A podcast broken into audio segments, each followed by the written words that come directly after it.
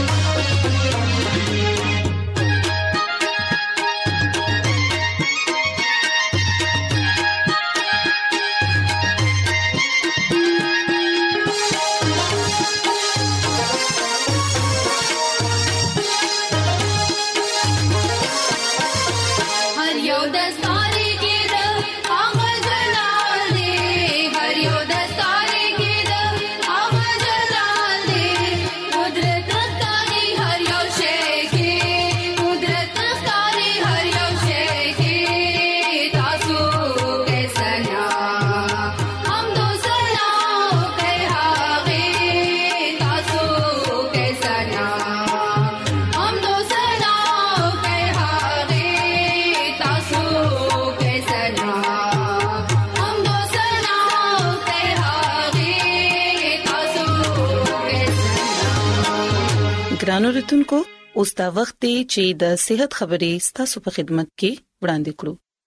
نن چې موږ په کوم ټاپک باندې خبرې کو هغه دی د انګور د فائدو په اړه کې ګرانو رتونکو د میوو غذایت چې دی هغه په ټولو غذاګانو کې یو اهم ترين او یو پرکششه حیثیت ساتي خدای تعالی چې چرته د انسان د پاره مختلف قسمه اجناس سبزیانې، ترکاریانې او ډېر مختلف قسمه خوردني نعمتونه پیدا کړی دي هلته مختلف قسمه موسمي میوي پیدا کړی دي کوم چې قوت بخش او ذایقې نه ډک وي خدای تعالی په دې میوو کې داسې حیاتیاتي جواهر او شفا بخلی ده چې د انسان عقل په حیرانه پاتې شي هم په داسې نعمتونو کې انګور یو نعمت دی کوم چې انتهایی خناک او بے مثال قوت بخش فروټ دی د انګور ډیر قسمونه دي کوم چې د رنگ د حجم او د تاثیر په لحاظ سره د یو بل نه مختلف وي انګور کچا استعمالول نه دي پکار ولې چې کچا انګور کې هغه غذایت خوګواله او قوت نه وي کوم چې په یو پوخ انګور کې وي پوخ انګور چې دی هغه قبض کوشاوي او وجود ته طاقت رسي دلته په موږ د انګور په فائدو باندې اوس خبرې کوو انګور چې دی نو دا زود هضم دی یعنی زر هضميږي وینه صفا کوي او تاسو وجود سربا کوي یعنی کو تاسو وجود کمزوري وي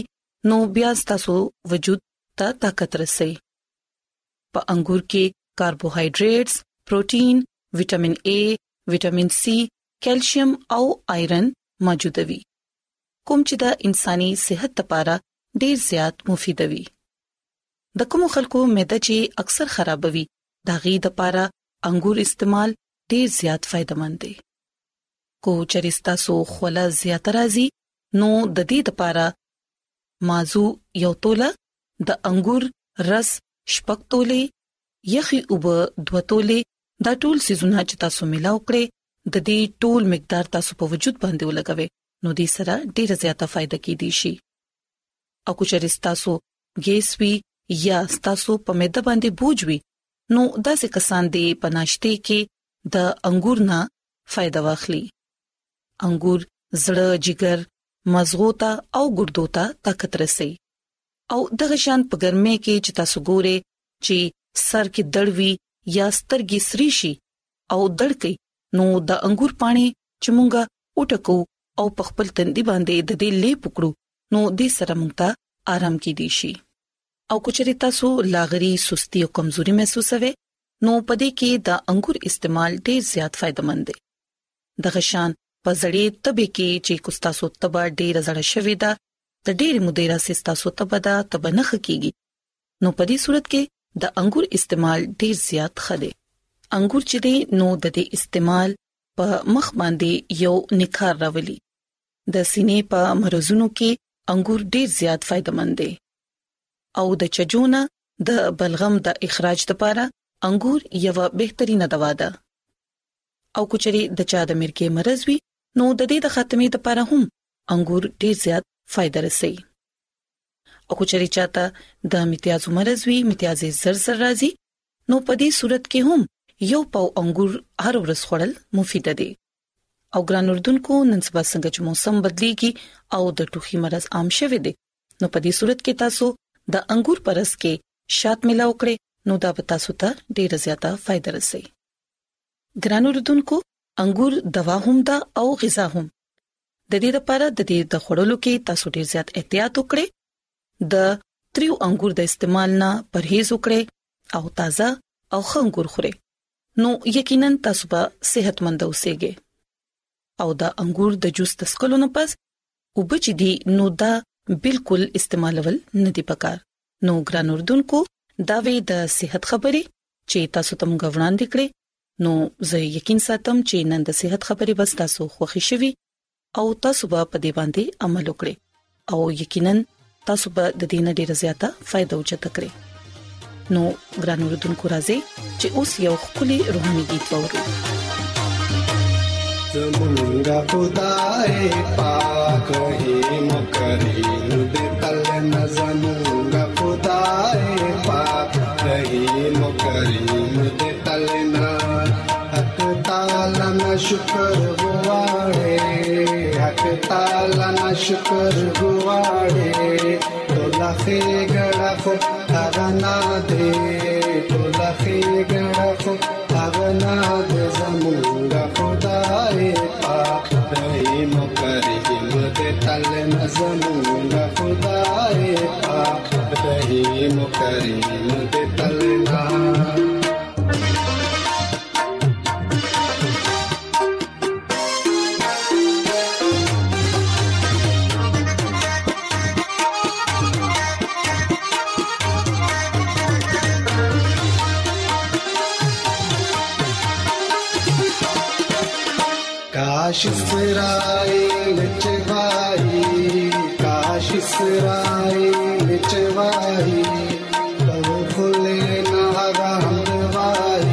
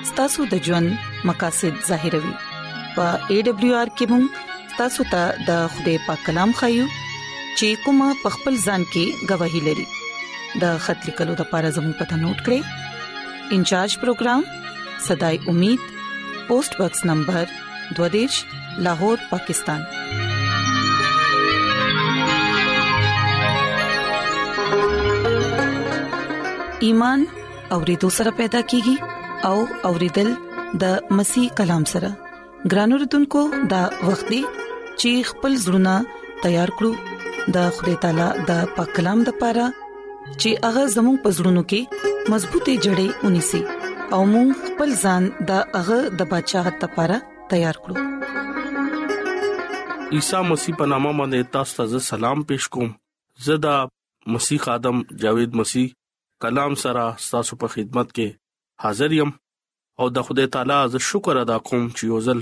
بیا ماته موقع ملاو شو چې زه تاسو ته کلام غورم ګران اوردونکو نن خپل ایمان مضبوطه او د ترقې لپاره د خدای کلام به اورو ګران اوردونکو نن چې زه تاسو ته سویم هغه پته عبارت کې دي چې مونږه د خدای خوف او د بدینه عداوت څنګه با کو ګران اوردونکو امثال 15 باب کې دا خبره لیکل شوې ده چې ته د خدای خوف او بدینه دعوت کا او غرور او غمند او بد لارا او کنجګو مخنه نفرت کوا د کلام ویلو باندې د خدای بای سي برکت شي امين ګران اوردونکو مونږه د خدای کلام مطابق بدی او عداوت بسنګا ساتو نو دلته موږ ګورو یو بل سره موږ عداوت ساتو یعنی یو بل سره دښمنی ساتو یو بل سره مخالفت کوو موږ دلته ګورو خدای انسان دې د پاره نه دی جوړ کړي چې هغه خپلو کې دښمنی وساتي هغه دا وي چې ته یو بل سره مینا او محبت وساته او د خپل زړه کې یو بل د پاره نفرت نه دښمنۍ نه هغه افسوس د دې خبرې کوي چې تاسو یو بل سره دښمنی کړئ او یو بل سره تاسو عداوت کړئ یو بل سره تاسو مخالفت کوئ ګران اوردونکو چې کمزه مینا نشتا التا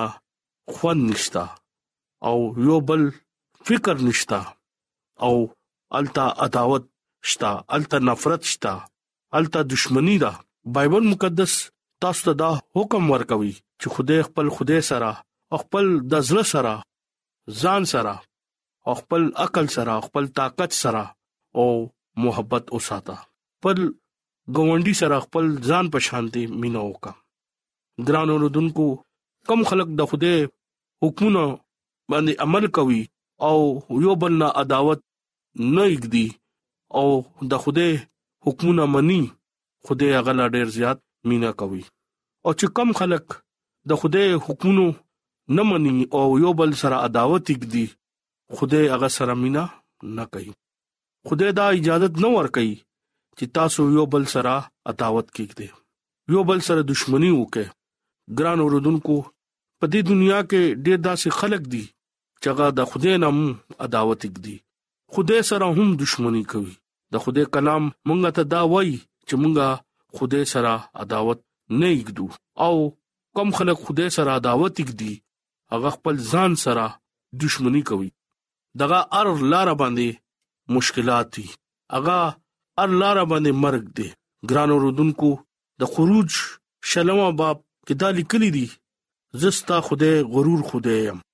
زه تا نه عداوت نه ګدم ستا درېما او سلورم پښتنه ستا د پلار او نکنه دغه د بدکارې سزا به ورکوم ګران اوردونکو د خدای کلام باندې مونږ چې کله غور وکړو نو خدای هغه خلکو سره دعوت دی خدای هغه سره دښمنی کوي خدای هغه خلکو له د ګناونو سزا ورکوي چې کم خلک د خدای سره دعوت کړي خدای سره دښمنی کوي انسان خدای سره دښمنی کوي او انسان خدای سره دعوت کړي یاد لره چې کم خلک د خدای حکمونه نه مني او د خدای تعالی عبادت نه کوي او دوايا ژوند نه تیروي او په دنیا کې ایماندارې ژوند نه تیروي خدای کلام کې دا لیکل شوی دی هغه خپل زړه سخت کو هغه سره به زه خپل عداوت وکوم ډیر خلک دا وایي چې اے خدایا ما تستا اس اجت نشتا ګران اوردونکو نمغه خدای سره دعوت ساتو انا خپل رونو او خويندې سره عداوت وساتو استثناء کتاب کوم دا لیکلي دي چې تخپل پړوسیانو سره خپل رونو سره او خويندو سره عداوت چېګدي نو ځان به هلاکت طرف ته راولي مونږه دلته ګورو او خدای کلام کې دا ډېر واضح تعلیم ورکړی دی چې مونږه خدای سره عداوت او نه خپل پړوسیانو سره عداوت بګدو او نه بل چا سره به عداوت وګدو او نه دښمنی بچا سره کو او چې کله مونږه ګناه کې دښمنی کو او ګناه نه نفرت کو او بدینه عداوت کېدو نو دا خدای کلام په دې خبره مونږ له اجازه نه ورکړي چې مونږه بدینه عداوت کېدو مونږه ته دا پکار دي چې مونږه د برای نه عداوت کېدو او نیکه سره محبت کوو ګران اوردونکو کې دي چې تاسو په زونو کې دا سوالي مونږه سره چې کم خلک عداوت اګدي چې کم خلک مونږه سره دښمنی اګدي او مونږه سره کم خلک نفرت کوي او چې کم خلک زموږه مخالفت کوي مونږه د غسر څنګه رویه اختیار کو او داغه عداوت په بدله مونږه سو کو ګران اوردونکو عیسی مسیح په لوکا انجیل شپږم باب کې دا وایي څو چې تا سره عداوت ساتي نو تا غدا پاره خو وکا او چې کم خلک تا سره بد کوي تا غلا برکت روغواړه او چې کم خلک تا حقیر وګڼي نو هغه د پاره ته دوا وکا ګران اوردونکو د خوده کلام کې دا لیکلي چې کم خلک مونږ سره دعوت ساتي او خپل او مونږ سره دښمنی کوي او مونږ باندې سو لعنت کوي زموږ بي عزتي کوي مونږ دغه خو غواړو او هغه سره مينه وکړو ګران اوردونکو د خوده په حضور کې دا خوخه ده چې مونږه هغه خلکو سره مينه وکړو چې کم مونږه د پاره بد غواړي او زمونږ دغه بایبل مقدس تعلیم دی چې مونږه یو بل نه عداوت نه ګدو ګران اوردونکو نن پیغام نتا سو بدایز د کړي چې مونږه یو بل سره مينو مونږه یو بل سره عداوت ونه ساتو د دې کلام په وسیله خدای تاسو ته برکت درکړي امين